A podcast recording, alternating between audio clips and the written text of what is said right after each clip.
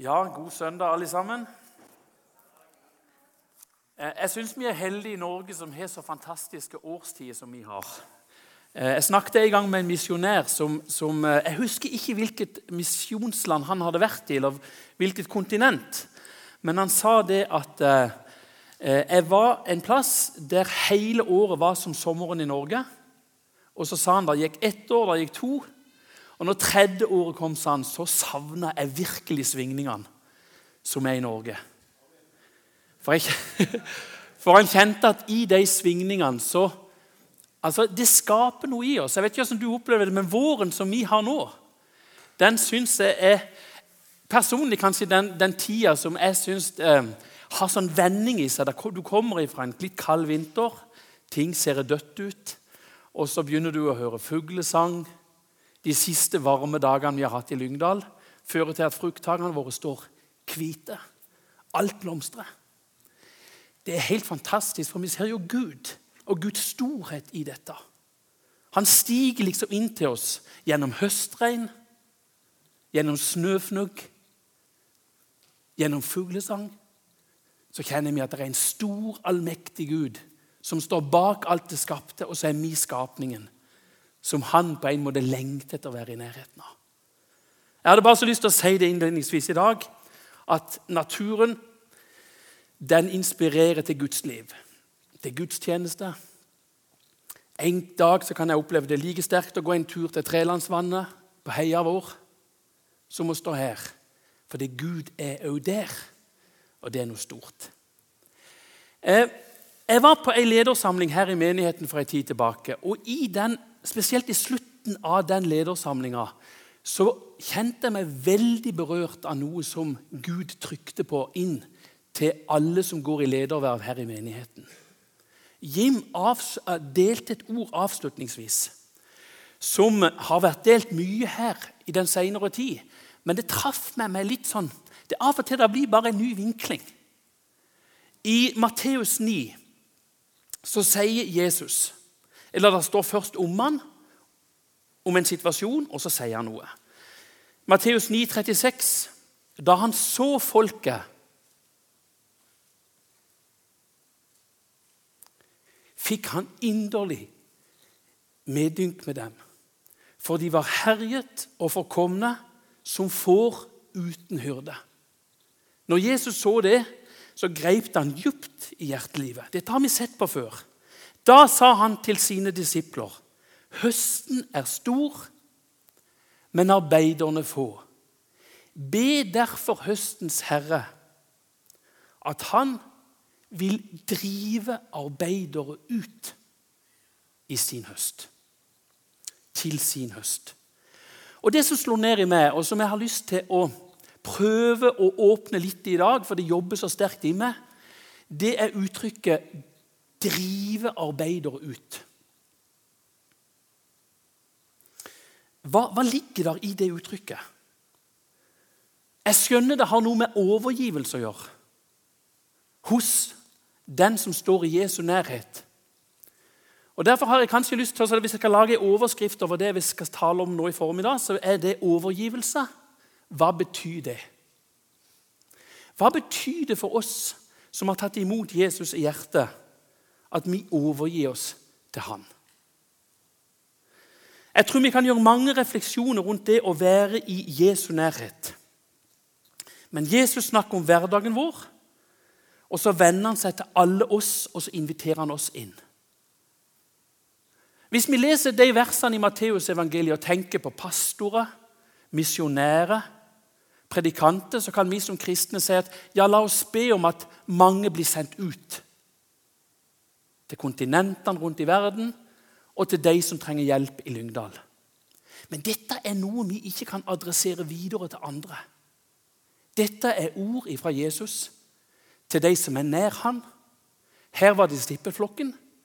Og når vi sitter med Bibelen, så er dette ord som treffer oss. Eller egentlig inviterer oss til et stort liv og ansvar sammen med Han. Og Derfor har jeg måttet stille litt spørsmål fra jeg var på den ledersamlinga og så det var mange ledere som tar ansvar i menigheten. den kvelden, og så er det mange andre som gjør det på andre måter. Men la oss stille spørsmålet alle sammen her i formiddag. Hvordan ledes jeg av Gud? Hvordan får Gud påvirke mitt liv? Hvordan drives jeg av høstens herre?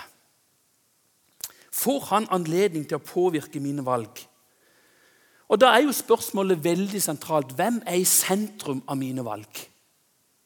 Hvem er i sentrum av min agenda når jeg setter den for ei uke eller for en dag? Er det du og meg som er ledende sjøl på det vi gjør? Det tror jeg veldig mange av oss vil si ja til. Vi setter jo på en måte en agenda, en ukeplan, og så, og så påvirker vi den i stor grad sjøl. Og det er mye flott med det. Men det som jeg tror er viktig, og som jeg kjenner at Gud har lagt på hjertet mitt i dag, det er spørsmålet. Er Gud med deg på ei vandring der du har satt agendaen? Eller er du med Gud på ei vandring der han har satt ledelsen? For det er vesentlig forskjellig hvordan vi opplever marker rundt oss som er modne til høst. Er Jesus med meg på ei vandring som nå har vart 50 år?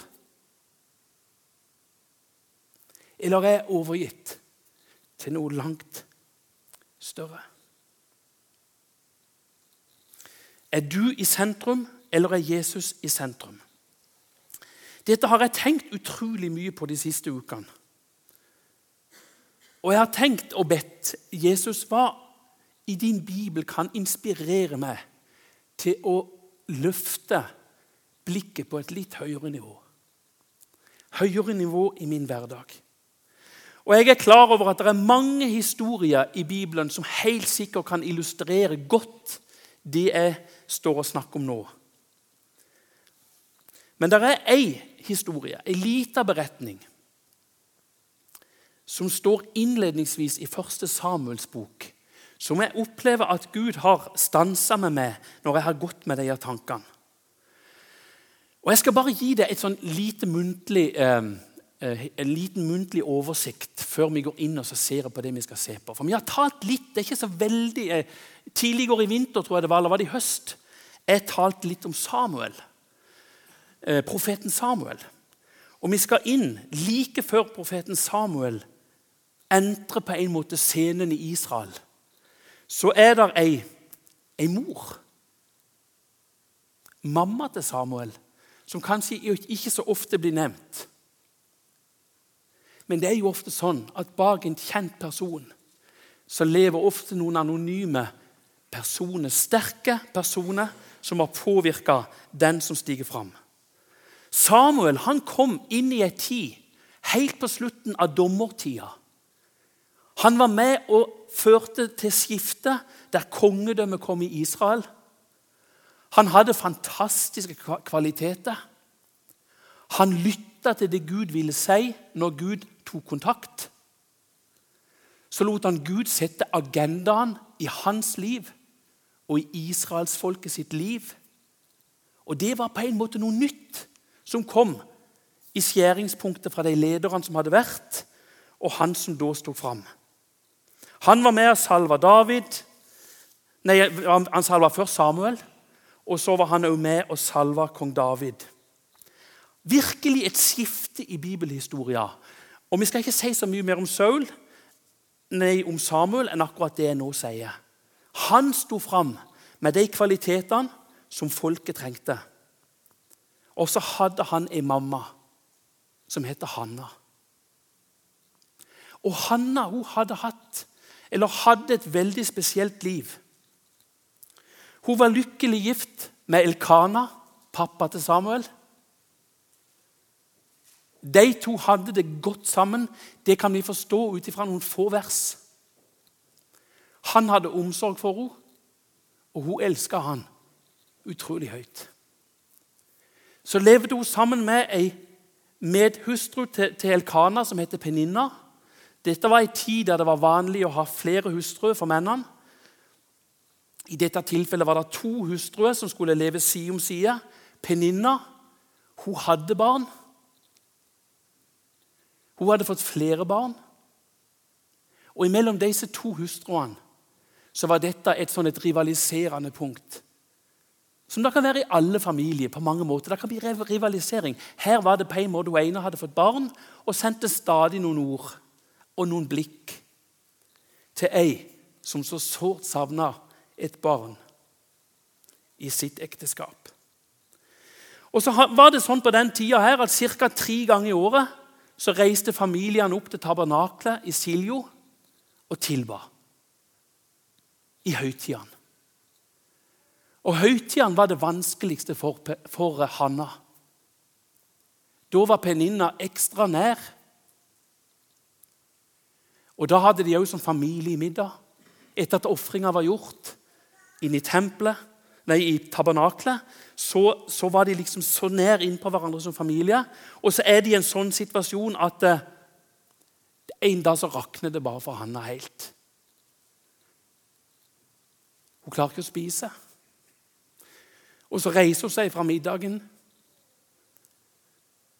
og så går hun til tabernaklet for å be og for å utøse sitt innerste for Gud. Hun har en hjertesorg.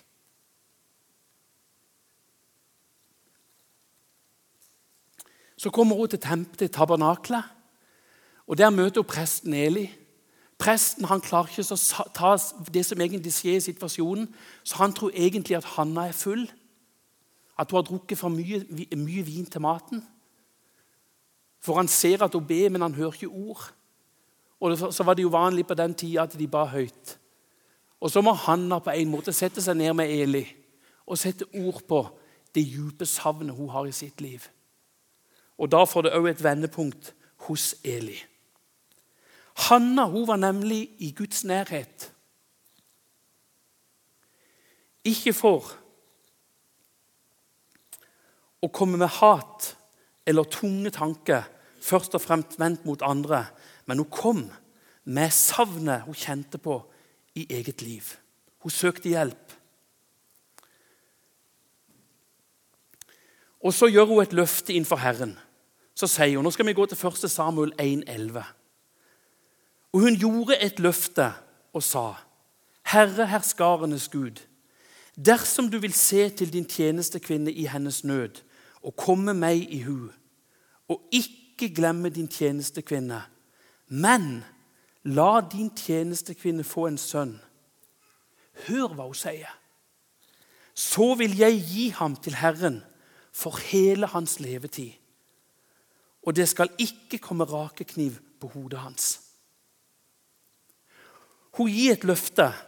Hun ber om en sønn, og hvis hun får det, så skal Herren få han tilbake for hele hans levetid. Det ber ei kvinne som sårt savnet barn.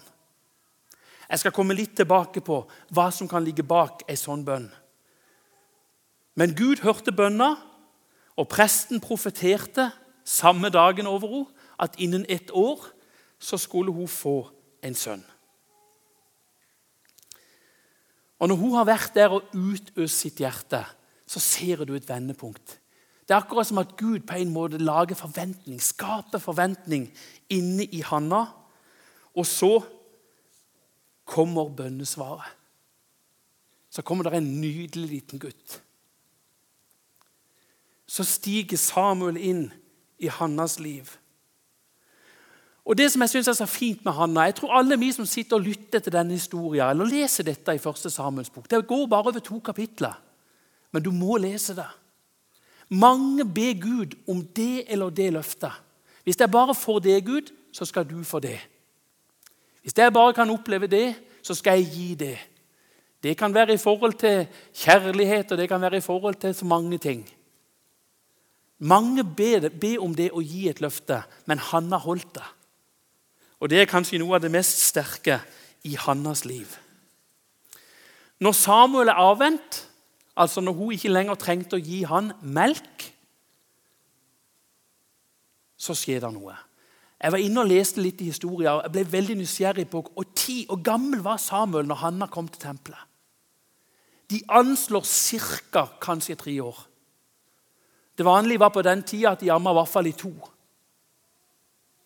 Men en dag så var ikke gutten større enn at mamma måtte bære han inn i tempelet.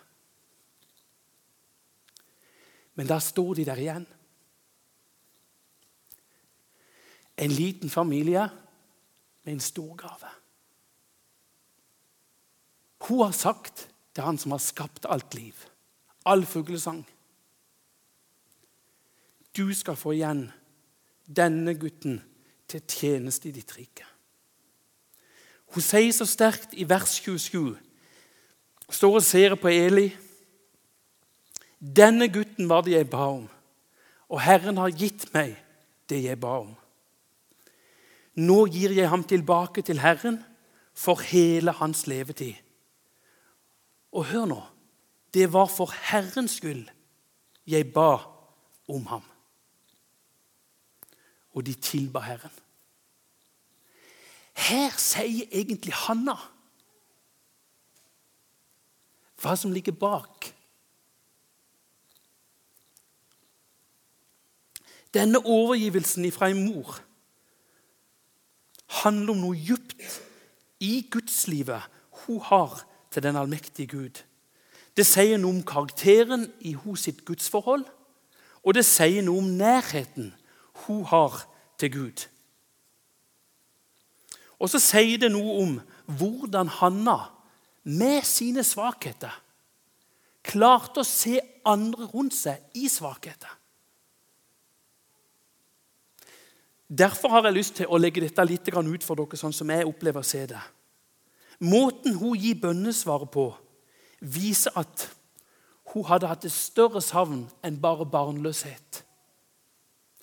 Hanna hadde sett noe hos menneskene rundt seg som hadde rørt henne dypt. Hun hadde sett et frafall som, komme, som kom sakte, men sikkert inn i israelsfolket. Hanna hadde sett hver gang hun var i Siljo, så så hun et presteskap. Sønnene til Eli levde sløvere og sløvere. Tillot mer og mer. Og det ble ikke stoppa. Så frafallet som begynte i presteskapet, det ga et forfall i moralen i folket. Dette hadde Hanna observert. Dette hadde Hanna sett. Hun hadde sett hvordan dette kom snikende inn i Israel. Øverste presten Eli, som var der når hun kom med sin bønn, han evna ikke å møte sønnene sine med god veiledning, med varme råd, i, i samsvar med Guds vilje. Men han var svak i møte med sønnene, og derfor så kom forfallet sterkere og sterkere inn. Så det er plutselig på en måte har sett noe just det siste som jeg har lyst til å dele med dere. Hanna hun ba djupest sett ikke om en sønn. Men hun visste folket trengte en profet. Hun ba om en. Gud måtte sende en som kunne komme som en profet, som hun kunne være med og fø inn. Så fikk kjøkkenbordet være tomt. Gud velsigna henne siden med tre gutter og to jenter til. Men denne gaven var betrodd store oppgaver for israelsfolket. For generasjoner av Israel har dette betydd enormt mye for. Og for oss er dette et enormt bilde på hva det vil si å følge en allmektig Gud. For Herrens skyld ba hun om Samuel. Herren hadde nemlig ikke lenger noen han kunne gå inn til med budskap. Tenk, Der står det på denne tida var det få syne. Få Gud kunne betro seg til, for de levde sine egne liv med sin egen agenda, var i Guds nærhet uten Guds ledelse. Så Hanna hun har lært oss litt om hva overgivelse er, og hva det vil si å drives inn imot sine medmennesker for å gi dem hjelp og for å være nær. Jeg vil også si det at jeg synes Når jeg har og sett på Hannas liv, så kjenner jeg veldig sterkt på sjøl behovet av å be om hjelp og kraft til å lede andre mennesker til fødsler. Det var så sterkt når guttene tok, tok ordet her noen få søndager etterpå det ledersamlinga og sa at spissinga i arbeidet vårt det er at mennesket må bli frelst. Dere, det ser vi. Men jeg tror Gud vil på en måte hjelpe oss til å eie en kraft i livet som Hanna hadde. Der vi er villige til å overgi fullt og helt det vi bærer på, de gavene vi får i hans tjeneste. Han ønsker at vi skal se på våre nærmeste, vår ektefelle, våre barn, vår menighet som Guds eiendom. Noe vi er villige til å gi helt og holdent til en allmektig Gud. Og så lærer Hanna oss noe veldig sterkt om dette å ha respekt for Gud. Det hadde jo vært nærliggende kanskje for henne at hun bare på en måte fokuserte på sitt savn av barn. Og det gjorde hun òg. Men midt oppi det så evna hun å se det store bildet som skjedde rundt henne i det samfunnet hun levde. Flere plasser i Bibelen så er det sånn at når Gud gir et svar, så løser det ofte ut en lovsang. Det samme skjedde med Maria, mor til Jesus. Når hun hadde født Jesus, så kom det en lovsang. Det samme skjer med Hanna mange mange, mange år før. Jeg skal lese noen få, ganske få streif av den lovsangen som viser hvor Hanna på en måte satte Gud. For Hun sto med så foran Gud med sånn en respekt. Og så sto hun så inn i den tida hun levde, og så var den lille gutten kommet. Så kommer lovsangen. Mitt hjerte fryder seg i Herren. Vidt opplatt er min munn mot mine fiender, for jeg gleder meg over din frelse. Ingen er hellig som Herren, for det er ingen uten deg. Det er ingen uten deg, Gud. Det er ingen klippe som deg, Gud. Tal ikke så mange høye ord, sier jo til deg som er rundt. La ikke frekke ord gå ut av deres munn, for en allvitende Gud er Herre, og han prøver alle gjerninger. Dette er bare et lite utdrag, men det vitner om sterk respekt.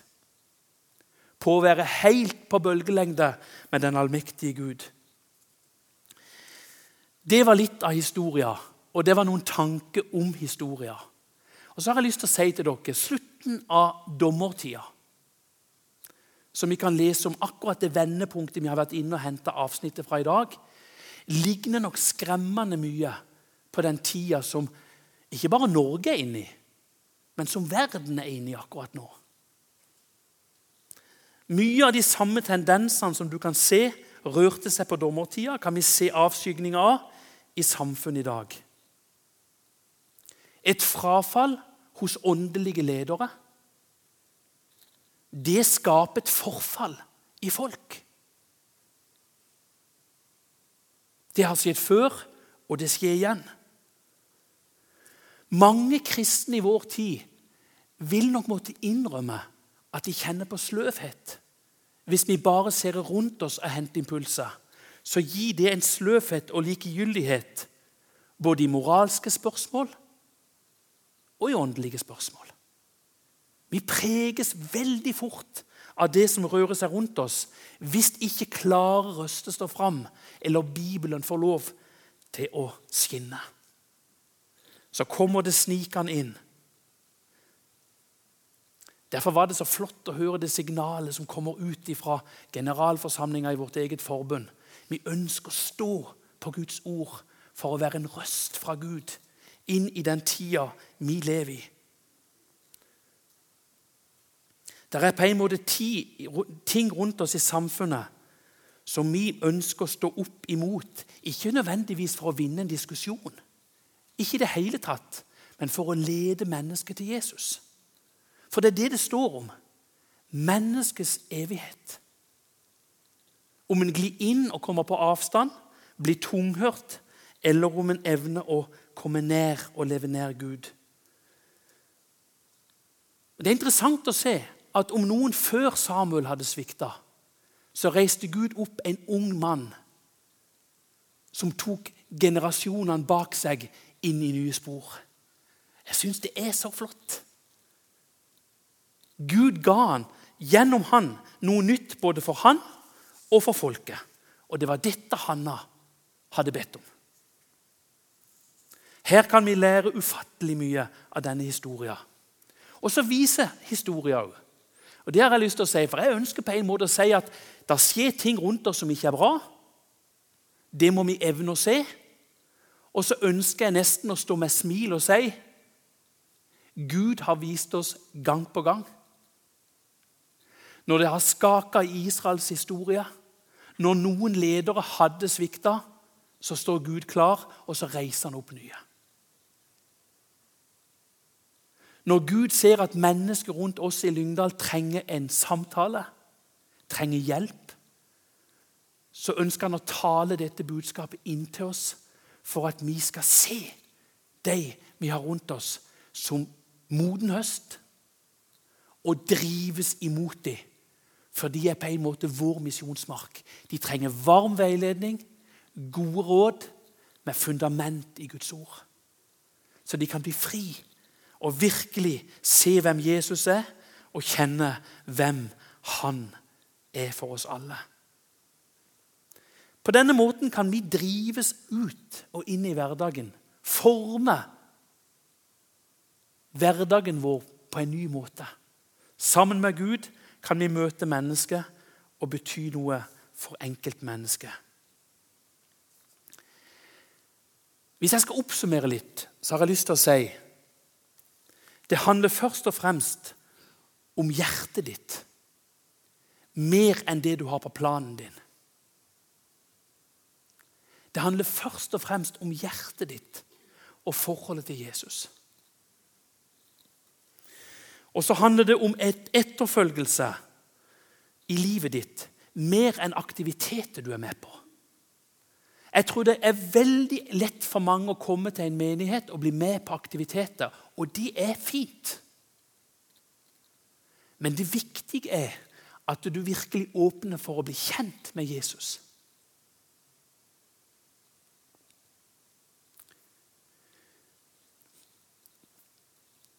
Og at du sier til han, 'Jeg vil følge deg, Jesus, i min hverdag.' Jeg vil bli en liten Samuel.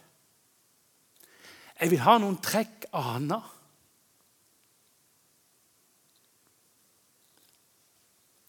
Jeg vil bli heil ved i ditt rike. Det er ikke for ingenting Gamle testamentet står og glinser imot oss både med vemod på enkelte ting og med sterke vendepunkt for mange. Guds stemme er det viktigste for oss å høre og samtidig følge. Det er Guds stemme som kan lede oss inn i tjeneste, inn i lykkelig familieliv, inn i harmonisk menighetsliv, der generasjoner lever sammen. Han var Abraham, Isaks og Jakobs Gud. Knytte sammen. Gud er helt unik. Når jeg satt og jobbet med dette, så tenkte jeg litt på Jeg har mista mamma og pappa vet dere, i løpet av de siste årene. Og så har jeg tenkt på en ting. Når du plutselig har mista opphavet ditt, så tenker jeg mamma og pappa påvirka de bare mitt liv mens de levde. Jeg har nok erfart de siste årene, etterpå begge to har reist, at de påvirker meg i stor grad fortsatt. Så lenge jeg lever, kommer de sine bønner til å varme mitt liv.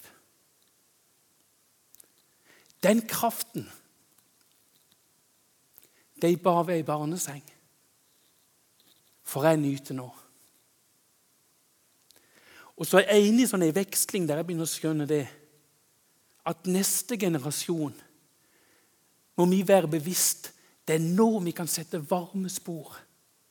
Be for og med hverandre. Med barn, med ektefelle. Når du utøser hjertet ditt for Herren, som Hanna gjorde, så skaper det noe. Så jeg har lyst til å si til deg som sitter her i gudstjenesten i dag og kjenner på savn Noen av dine barn lurer du på hvor er de nå. Be. Fortsett å be. De av barna dine som du syns det går godt for, fortsett å be, så de bevarer den retninga Gud vil for livet. Hvis du ser ting i forsamlinga vår som, som uroer deg, be.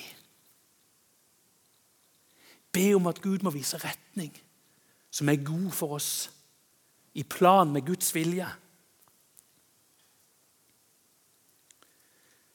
Overgivelse griper djupt inn i livet vårt når Gud får være med og forme.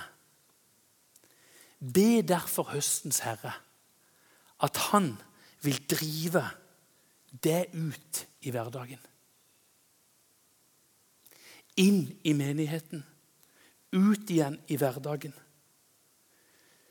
Hjelp til den gode samtalen. Veilede der kanskje ei venninne trenger et varmt råd, eller et barn trenger å korrigere en kurs. Så kan det være en prat med mamma eller pappa. Kan bety veldig mye. Be før du snakker med dem, og be mye etterpå du har snakka med dem. Det var for Herrens skyld Hanna ba. Kanskje du skal tenke litt sånn på ditt liv òg. Det er for Herrens skyld jeg ber for mine barn. Han har skapt dem. Han har forma dem så kunstferdig. Han må ikke miste dem. Høst er noe fint. Og våren er så viktig. Sommeren er viktig. Det er for Herrens skyld vi skal få lov til å tjene. Han har satt oss i tjeneste for sitt rike. Jesus.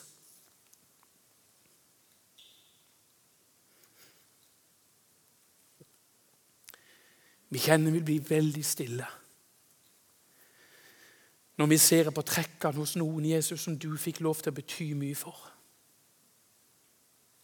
Der mennesket kom til et tabernakel, eller gikk til et tempel, eller møtte deg langs en vei, så ble det noen små øyeblikk med en mamma, med en gutt, som igjen fikk så stor betydning for et folk.